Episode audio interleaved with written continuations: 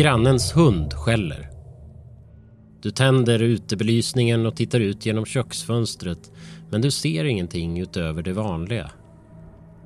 Din popcornkastrull för oväsen och din uppmärksamhet tvingas tillbaka dit. Du skakar kastrullen ett par gånger. Du är i de övre tonåren. Du är ensam hemma i dina föräldrars villa. Det är en vanlig fredagkväll och du har bestämt dig för att stanna hemma och titta på film. Du häller upp popcornen i en skål, tar med saltkaret och sätter dig i soffan i vardagsrummet framför tvn. Du trycker igång filmen och hör därför inte att någon öppnar ytterdörren. Du vet inte att en främling har kommit in i ditt hus. Du vet inte heller att just du kommer att vara det första offret i en rad mord som drabbar din tidigare så lugna och trygga stad. Det här är Podplays fruktansvärda monster. Idag möter vi monstren av kött och blod, de vi hittar mitt ibland oss. Med namn som Jason, Freddy, Hilda och Ghostface. Om du inte får nog av monster kan du gratis ta del av vårt bonusmaterial i Podplay-appen. Välkomna till Fruktansvärda Monsters seriemördaravsnitt.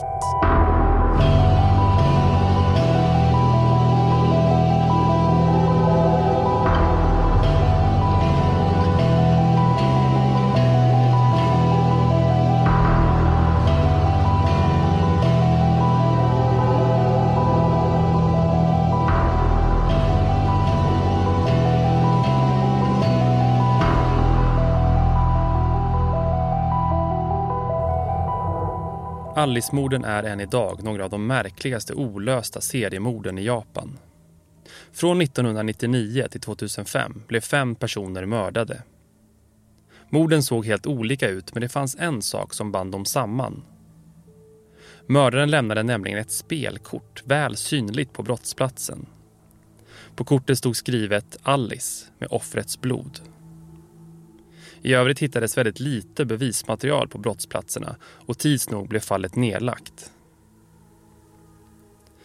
Det första offret var den 29-åriga restaurangägaren Sasaki Megumi.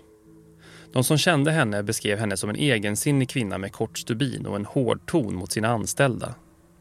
Restauranggästerna uppskattade hennes matlagning och hennes dedikation till kockyrket. Utanför jobbet var hon social och gick ofta på fester. Och det var just efter en fest som hon försvann. Hon hade bestämt sig för att promenera hem från sin kompis tillställning eftersom att det bara var några kvarter från hennes hem. Och hon var för full för att köra. Flera personer hade erbjudit henne skjuts, men hon tackade nej. Hon lämnade festen vid ett på natten. Och det var sista gången hon sågs i livet. Nästa morgon var ett par på promenad i skogen några kilometer från Megumis hus. På en igenvuxen stig såg paret spår av blod de gick in på stigen och hittade Megumis kropp. Den var söndertrasad och kroppsdelar hade blivit spetsade av trädgrenar. Paret ringde polisen och när de var på plats hittade de ett spelkort, spader knäckt, som det stod Alice på, intryckt i Megumis mun. Inga fingeravtryck och inget DNA hittades.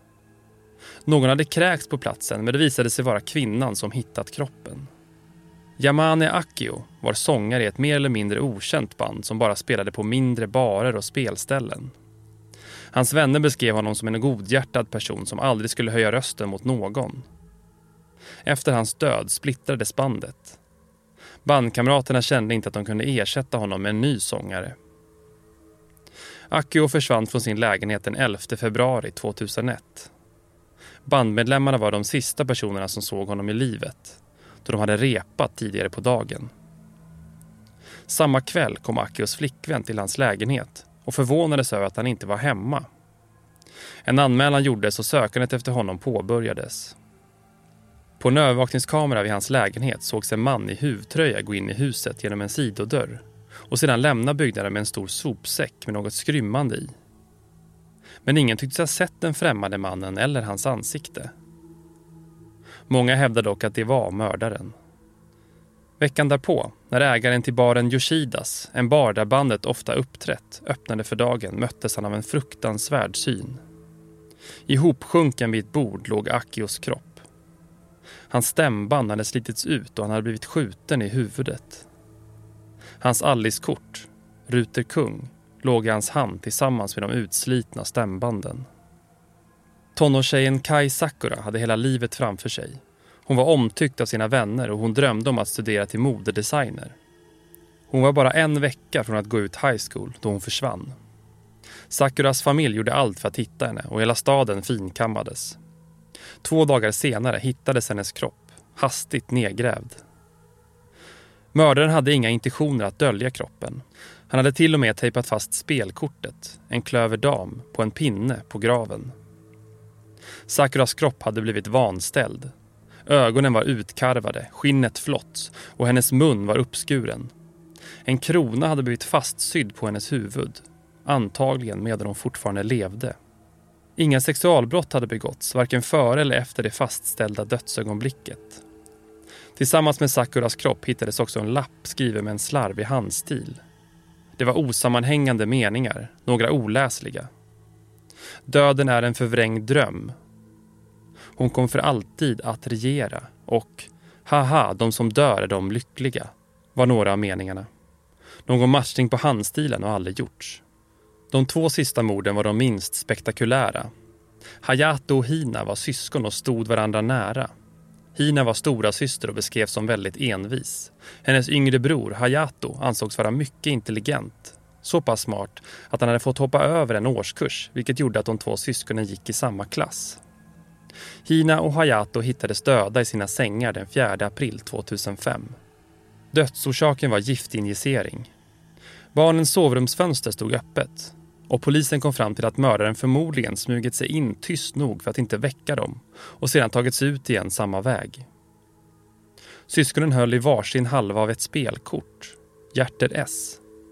Och sattes korten ihop kunde man läsa Alice, skrivet i blod.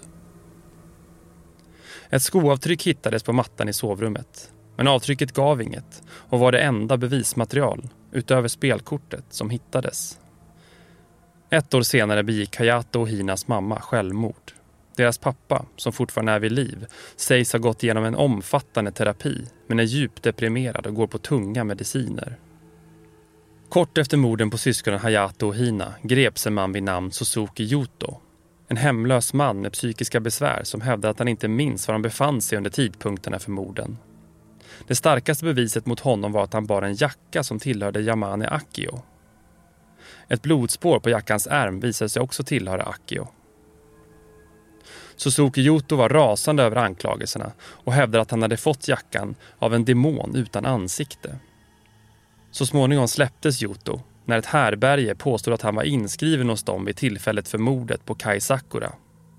Eftersom det inte ansågs finnas någon möjlighet för Suzuki Yuto att ta sig till brottsplatsen och tillbaka till härberget utan att någon upptäckt det, gick han fri.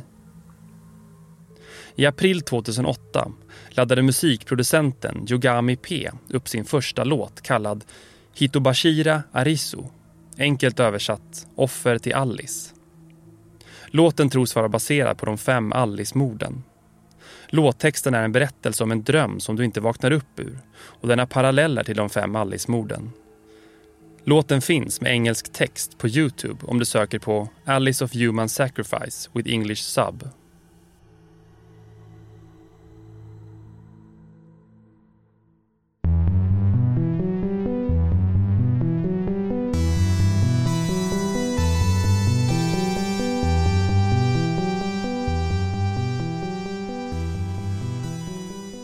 Det första jag tänker på är att ha ett bra mordvapen. Det här är Sarah of Horror, eller Sara Jerski som hon heter.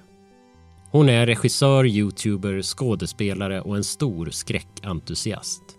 Det är som när jag skriver mina egna filmer eller eh, när jag gör film. Då tänker jag, men ha ett bra mordvapen som folk kommer ihåg, som connectar det med den här mördaren. Och sen också mördarens utseende är väldigt viktigt.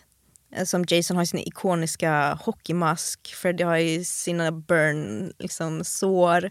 Michael Myers har ju masken och det finns så många bra. Så att ha en bra mask tillsammans med väldigt bra vapen, väldigt viktigt. Seriemördare inom skräckfiktionen finns det gott om. Framförallt inom slasher-genren, som den kallas. Den hade sin storhetstid under 1980-talet med filmer som Halloween och Fredagen den 13. Men intresset för blod och våld har funnits hos oss människor bra mycket längre än så och har alltid skildrats i fiktiva berättelser. Sara Adjerski lyfter fram den parisiska teatern Grand Guignol som en föregångare till slashergenren. Runt förra sekelskiftet var den teatern berömd för sina makabra och blodiga skräckföreställningar. Väldigt kända för att göra massa skräckhistorier och visa riktigt brutala och våldsamma mord. Och det attraherade publiken jättemycket. De kunde inte få nog. Jag tror det fanns en skådespelerska som hon blev mördad på scenen 10 000 gånger. Folk tyckte om det. De blev såklart jätteförskräckta och rädda men det var ändå någonting som attraherade publiken att titta på det här. Men det, jag menar, det är alltid fascinerat med våld och blod och när man läser tidningen så är det alltid så här, vad, man kanske tittar lite extra på om det varit något hemskt som händer. Man dras mot det liksom groteska på något sätt. Ett poddtips från Podplay. I podden Något Kaiko garanterar östgötarna Brutti och jag, Davva, dig en stor dos skratt. Där följer jag pladask för köttätandet igen. Man är lite som en jävla vampyr. Man har fått lite blodsmak och då måste man ha mer. Udda spaningar, fängslande anekdoter och en och annan arg rant. Jag måste ha mitt kaffe på morgonen för annars är jag ingen trevlig människa. Då är du ingen trevlig människa, punkt. Något Kaiko, hör du på Podplay. Därför för gardinerna. När filmmediet kom och människor bjöds på våld på vita duken istället var det svårt för teatern att behålla sin publik. För våld har alltid skildrats av filmskapare.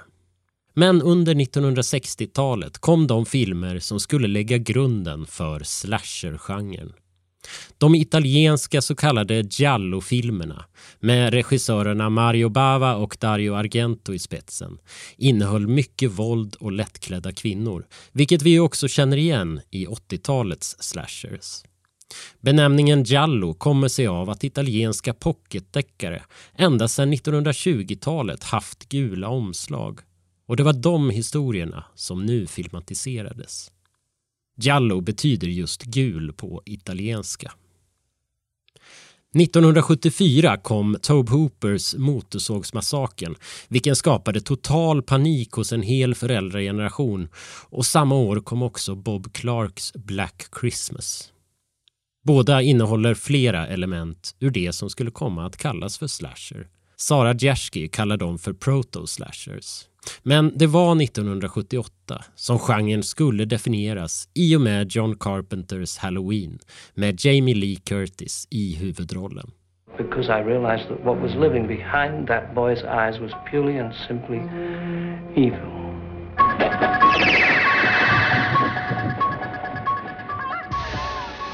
Halloween startade ju allting och hade the, the perfect for, formula så att säga. De hade en maskerad mördare som gick runt och mest mördade tonåringar. Det var ju det populära på den tiden.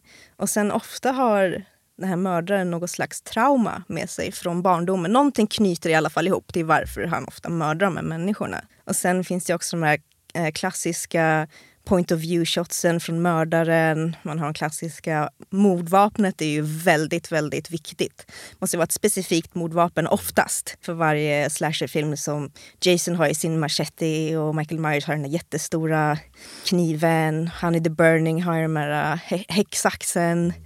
och sen finns det ju mycket, mycket annat. Men också det grafiska våldet. De här kreativa morden är mm. också jätteviktiga. Mm. För det är så man ofta kommer ihåg en slasherfilm. Har en slasherfilm inte så bra mord eller inte jätteblodig då, då blir det inte så ihågkommen. Förutom Halloween som inte har så mycket blod men den kompenserar för det med musiken och stämningen och manuset och allt annat faktiskt. Mm. När Halloween kom ut blev det en succé den var en av de mest framgångsrika independentproduktionerna någonsin vilket lockade fler regissörer till att göra liknande filmer. 1980 kom Fredagen den 13 som utvecklade genren ytterligare. Sean S. Cunningham, regissören, har ju själv sagt att han ville göra en halloween-kopia men lite billigare, alltså lite så här snabbare, lite, lite mer blod helt enkelt. För den är ju mycket, mycket mer blodig och morden är ju mycket, mycket mer kreativa så att säga. Så det var det han körde på. Han såg hur mycket pengar liksom Halloween cashade in så då ville han också gå på det tåget.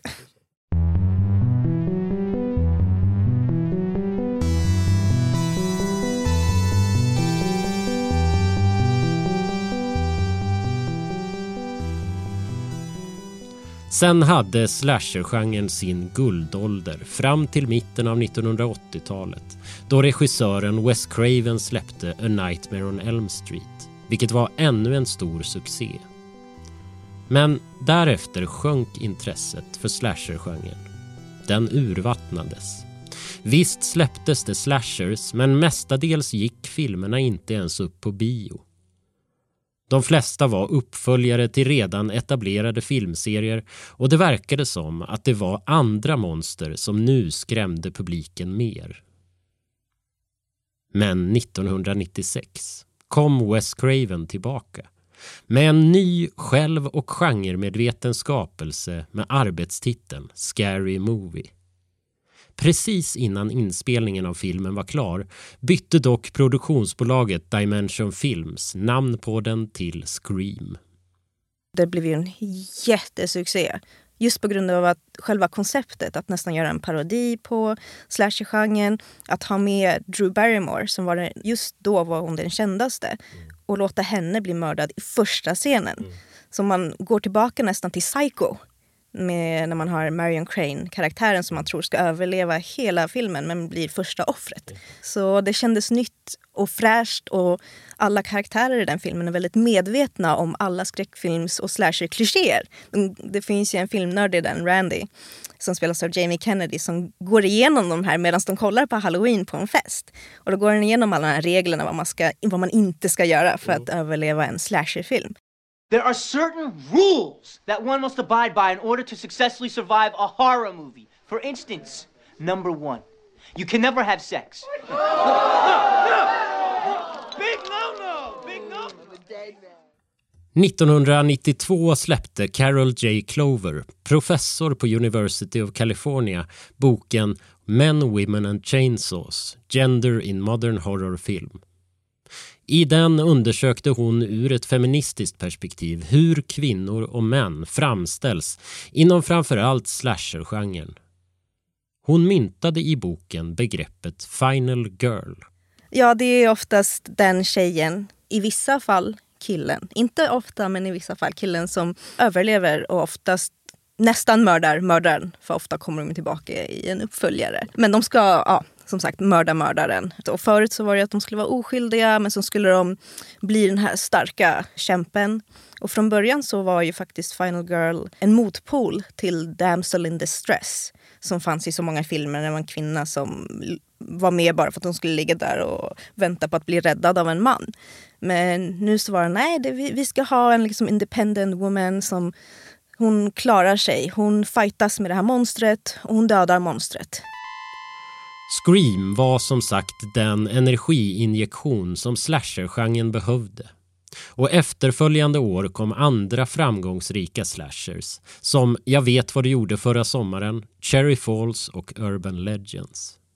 Den har ju utvecklats väldigt mycket om man tänker karaktärmässigt, hur man ser på till exempel The Final Girl. Idag har det blivit mer modern, modern tänkande så att säga. Eh, förut så var det ju att man hade den här Final Girl som ofta skulle vara oskuld eller väldigt oskyldig så att säga som skulle slåss i the climax mot den här mördaren. Mm. Och idag ser man det på ett annat sätt. Man har Mm. ju ganska slopat det där med att hon behöver vara oskuld eller att hon ska vara så oskyldig. Och som Scream, man gjorde nästan en parodi på det.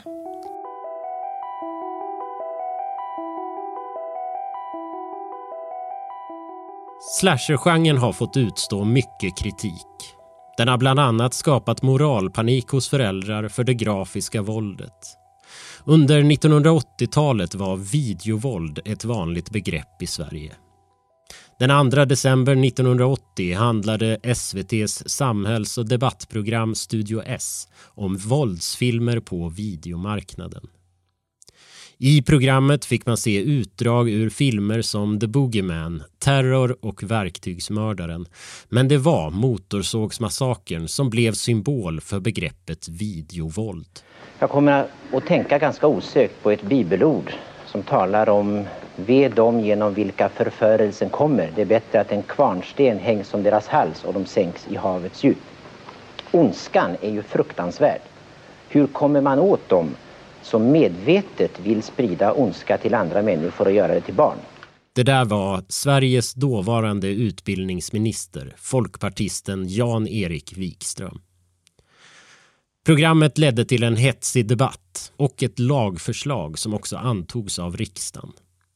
Videogramlagen, som den kallades, förbjöd från den 1 juli 1981 spridning och försäljning av videor med närgångna eller långvariga skildringar av rått eller sadistiskt våld. Dessutom blev det förbjudet för barn under 15 år att hyra filmer med ingående skildringar av verklighetstrogen karaktär som återger våld. På senare tid har det här avsnittet av Studio S kritiserats. Bland annat skrev Ann-Charlotte Alstadt i Aftonbladet att studioprogrammet kom att betraktas som svensk moralpaniks mest töntiga dikeskörning. Det hemska är att våra barn sitter och ser det här utan att vi vet om det. Det är ju det vi vill ha hjälp att förhindra. Men slashergenren har också ansetts vara sexistisk. Bland annat för att Final Girl-rollen är så snäv. För att överleva ska du vara oskuld, nykter och vit. Ja, så ofta har det ju sagts att det har varit mycket våld mot kvinnor och att det är ofta mycket naket som visas. Men jag tycker det är precis lika mycket, om inte mer, våld mot män i slasher-genren, Speciellt med Final Girl. Där, då känns det nästan som att männen i de filmerna är bara där för att dö eller de dör precis innan de kan rädda Final Girl eller någonting. Men jag tycker absolut det lyfter kvinnorna. Att det är en genre som ger rum åt dem. Mm. Som inte fanns i an många andra filmgenrer på den tiden. Slasherfilmer har överlag haft dåligt rykte. Och det ansetts vara en skräpgenre. Till viss del ligger det nog något i det. Många av filmerna är lågbudgetproduktioner gjorda enbart i syfte att chocka och skrämma. Samtidigt plockar idag många andra genrer fragment från slashern. Krimserierna har blivit råare. Ta den danska Kastanjemannen som exempel där både tempo och spänning samt de kreativa morden doftar slasher. I Netflix filmtrilogi Fear Street flörtas det oblygt med 1980-talets slashers. Och succéserien Stranger Things handlar ju om något helt annat än seriemördare. Men både seriens estetik och musik påminner också om samma årtionde och genre. Vilket för in oss på nostalgi. Sara Djersky säger att en del av hennes favoriter inom slashergenren gillar hon mest av nostalgiska skäl. Jag såg ju dem när jag var ung tonåring och växte upp med dem och sen när jag ser om dem nu så är det ju bara nostalgi. Det är, ja. Ibland kan jag känna att det är svårt att avgöra om en film är bra eller om jag bara tycker om den av nostalgiska skäl. Liksom. Ja, så kan det absolut vara. Men jag har märkt att vissa filmer tycker jag bättre om nu. För att jag, nu när jag själv börjar göra film så vet jag hur svårt det är. Mm. Så jag, jag, kan förlåta en del grejer och jag, jag förstår saker på ett annat sätt. Jag har ett annat perspektiv nu. Så då kan jag tycka att vissa slasherfilmer är mycket bättre än vad jag minns dem. Mm. Så det är ju alltid en trevlig överraskning. Och sen kan det absolut finnas vissa som jag bara, okej okay, det här gillar jag bara för att jag såg det när jag var liten och det är nostalgi liksom. Jag kanske gillade det lite mer än vad jag borde. Aha, just det. jag förstår vad du menar. Förra året kom Halloween Kills, den tolfte Halloween-filmen samt ännu en uppföljare, eller reboot om man så vill, av Scream.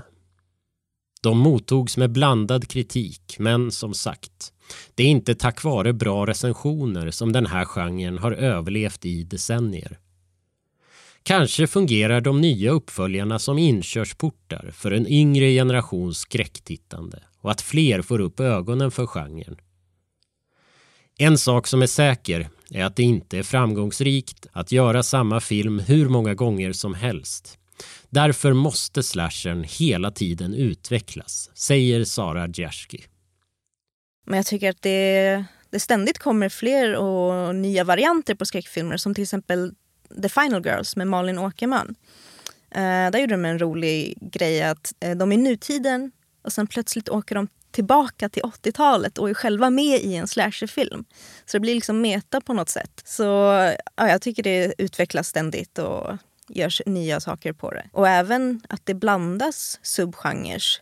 Som i Your Next, då är det både en home invasion-film men också en slasher-film. Och jag tycker den är helt fantastisk. Och där har vi en jättebra final girl. Riktigt badass. Hon vet vad hon gör. Hon har liksom, sen hon var liten, survival guides av sin pappa, lite militär bakgrund och sådär. Mm. Och det är så härligt att se. Mm, Ett poddtips från Podplay. I podden Något Kaiko garanterar östgötarna Brutti och jag, Davva, dig en stor dos skratt. Där följer jag pladask för köttätandet igen. Man är lite som en jävla vampyr. Man har fått lite blodsmak och då måste man ha mer. Udda spaningar, fängslande anekdoter och en och annan arg rant. Jag måste ha mitt kaffe på morgonen för annars är jag ingen trevlig människa. Då är du ingen trevlig människa, punkt. Något Kaiko, hör du på Podplay. Därför är gardinerna.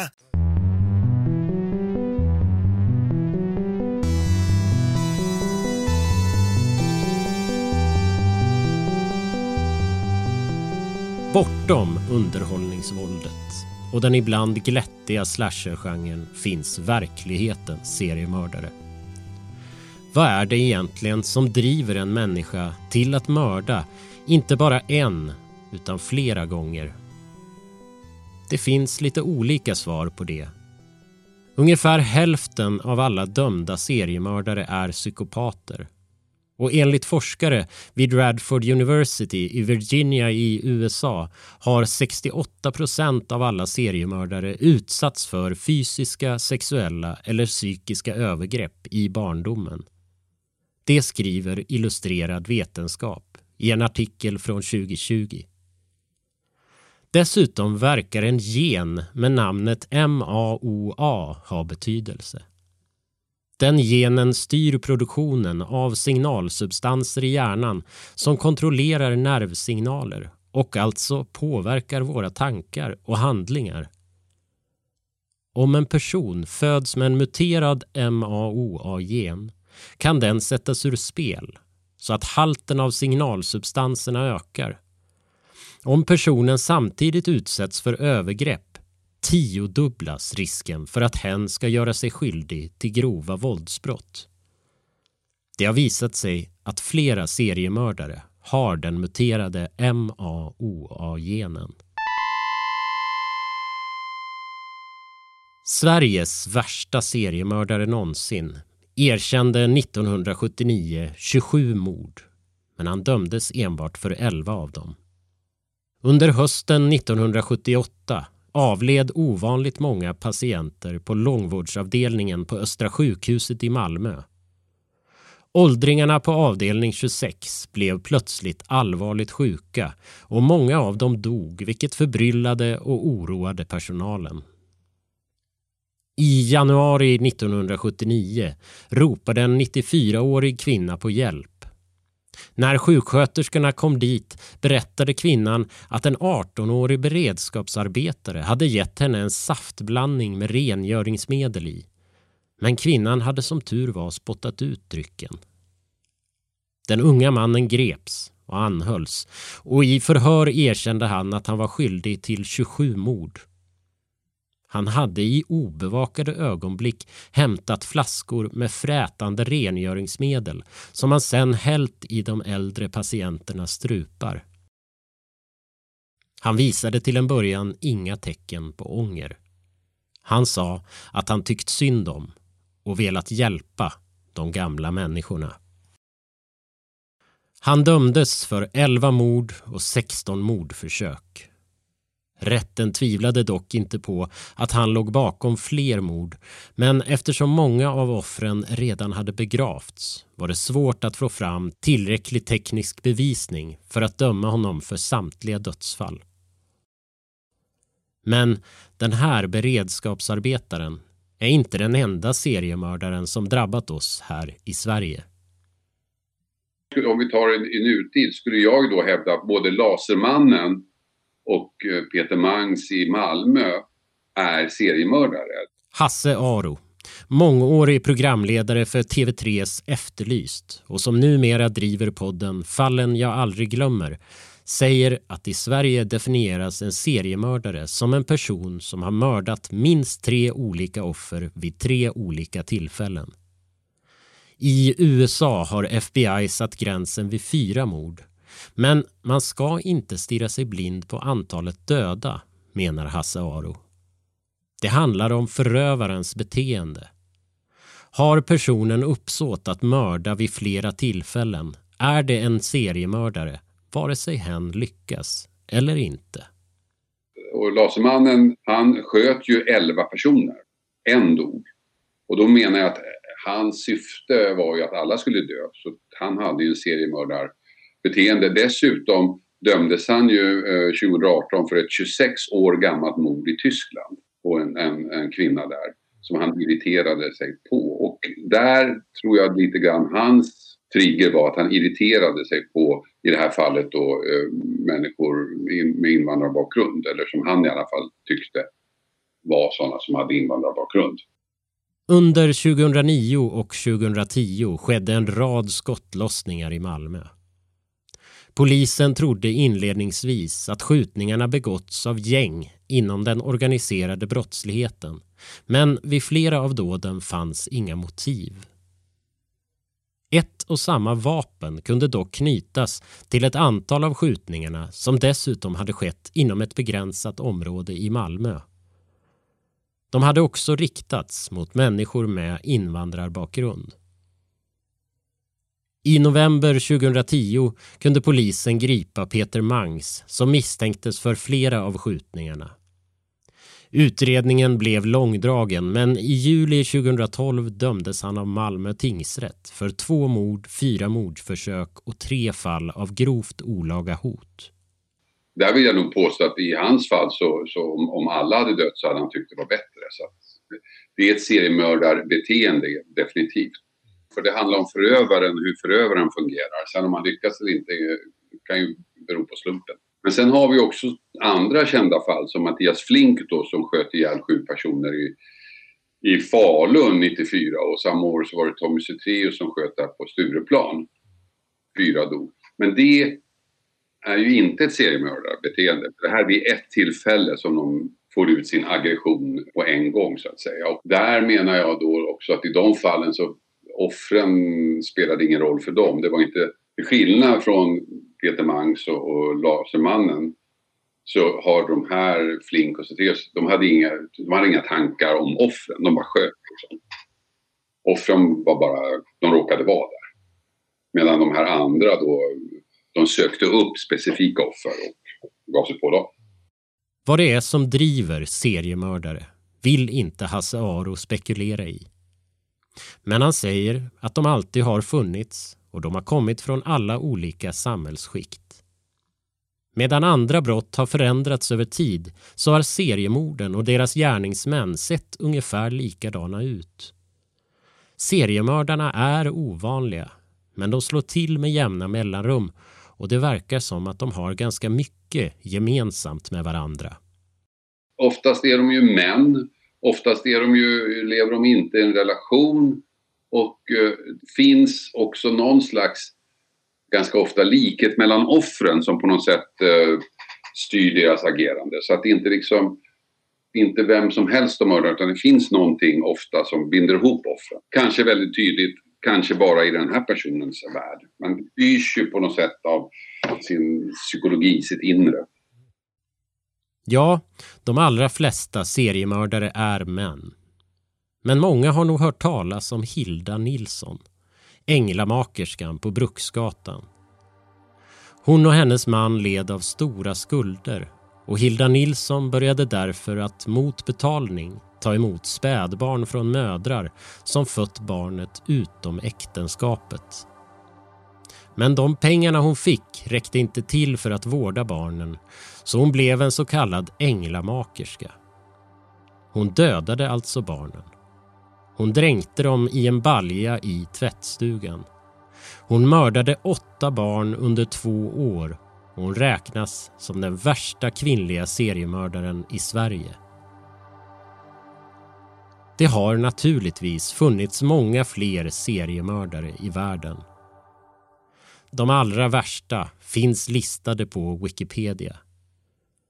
Det går inte ens att beskriva hur fruktansvärda historier som finns där. Så vi avslutar istället i fiktionen. Hasse Aro anser att den bild slasherfilmerna ger av seriemördare är förenklad. Och det är ju inget konstigt. Skräckfiktionens seriemördare finns ju där för att vi ska bli underhållna. Vi ska chockas och samtidigt uppleva en historia som vi lätt kan förstå och ta till oss.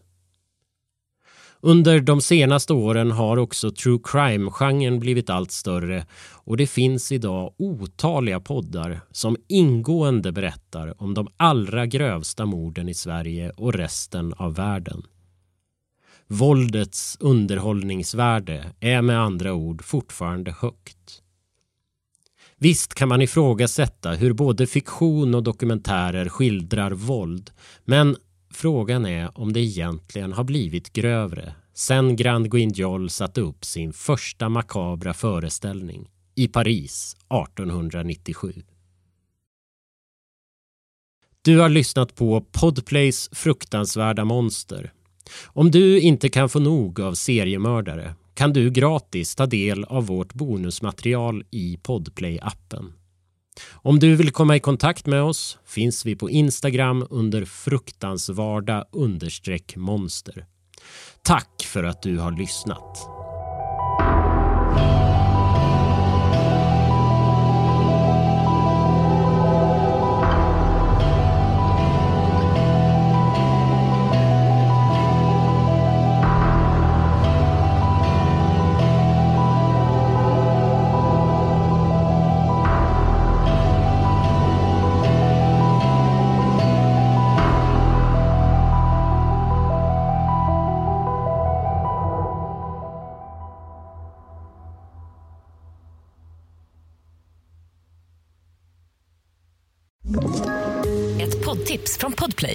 I podden Något Kaiko garanterar östgötarna Brutti och jag, Davva, dig en stor dos skratt.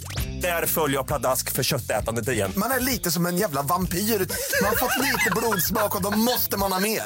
Udda spaningar, fängslande anekdoter och en och annan arg rant. Jag måste ha mitt kaffe på morgonen för annars är jag ingen trevlig människa. Då är du ingen trevlig människa, punkt. Något Kaiko, hör du på Podplay. Därför är gardinerna.